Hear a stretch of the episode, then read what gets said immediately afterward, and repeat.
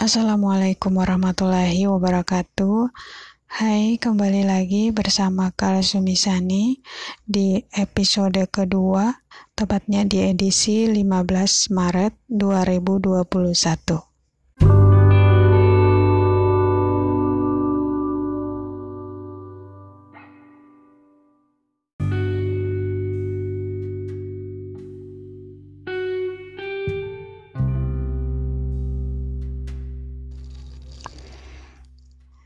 Di episode kali ini saya mau bahas tentang bullying, uh, bullying pada anak.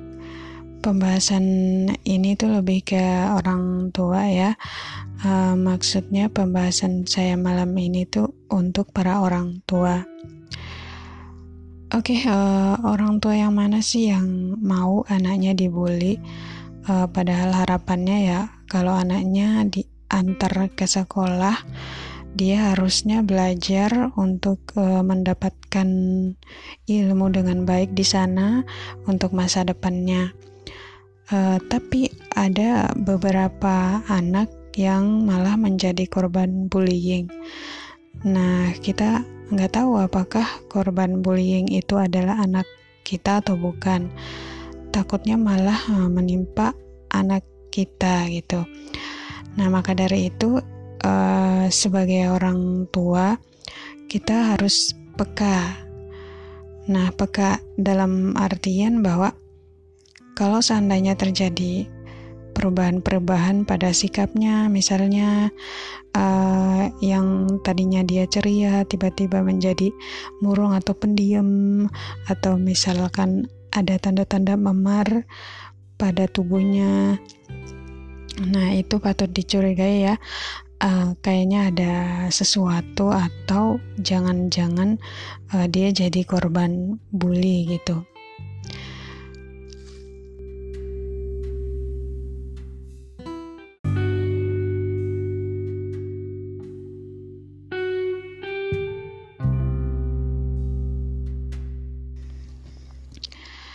Tapi ada anak yang nggak mau terbuka mengenai masalah bullying ini.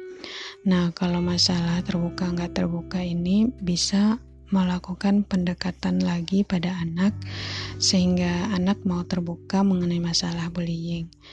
Dan pendekatan-pendekatan ini harusnya uh, kita lakukan sedini mungkin ya kalau boleh atau sebelum masalah ini muncul uh, misalnya kalau dia pulang sekolah uh, ini contoh pendekatannya ya. Misalnya kalau dia pulang sekolah kita tanya ke dia gimana di sekolah kamu hari ini? Uh, gimana perasaan kamu? Gimana belajarnya kamu di sekolah?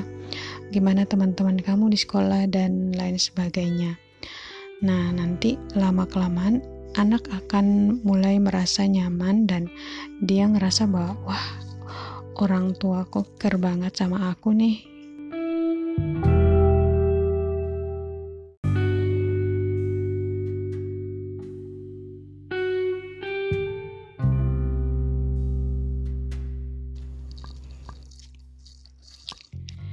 Tapi kalau misalnya ada saat yang dia cerita masalah uh, tentang kedekatannya dengan seseorang atau dengan lawan jenisnya ya itu sebagai orang tua ya dengerin aja ikutin terus aja ceritanya eh, nggak uh, apa-apa.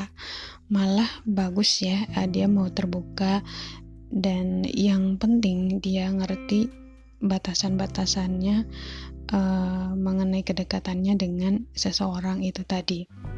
Nah dari sini dia akan mau uh, terbuka dan menceritakan masalahnya karena memang sudah men, sudah ada rasa kenyamanan uh, kenyamanan dia terhadap orang tua gitu.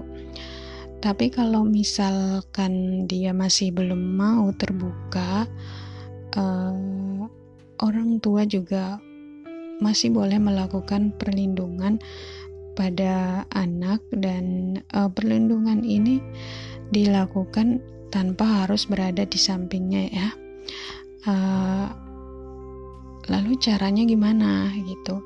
Nah di sini saya akan berbagi dua cara yang bisa membantu uh, melindungi anak agar terhindar dari masalah bullying ini. Yang pertama yaitu memiliki teman satu geng. Nah, orang tua bisa mendorong sang anak untuk sebisa mungkin bergaul dan dan membentuk kelompok atau geng. Karena teman juga bisa membantu dia ya. Jadi teman teman itu bisa membantu anak uh, atau bisa melindungi dia dari bullying dan juga karena pelaku bullying itu lebih cenderung menyerang orang yang suka menyendiri atau tidak punya teman gitu jadi ya sebisa mungkin harus uh, dorong anak untuk punya teman di sekolah.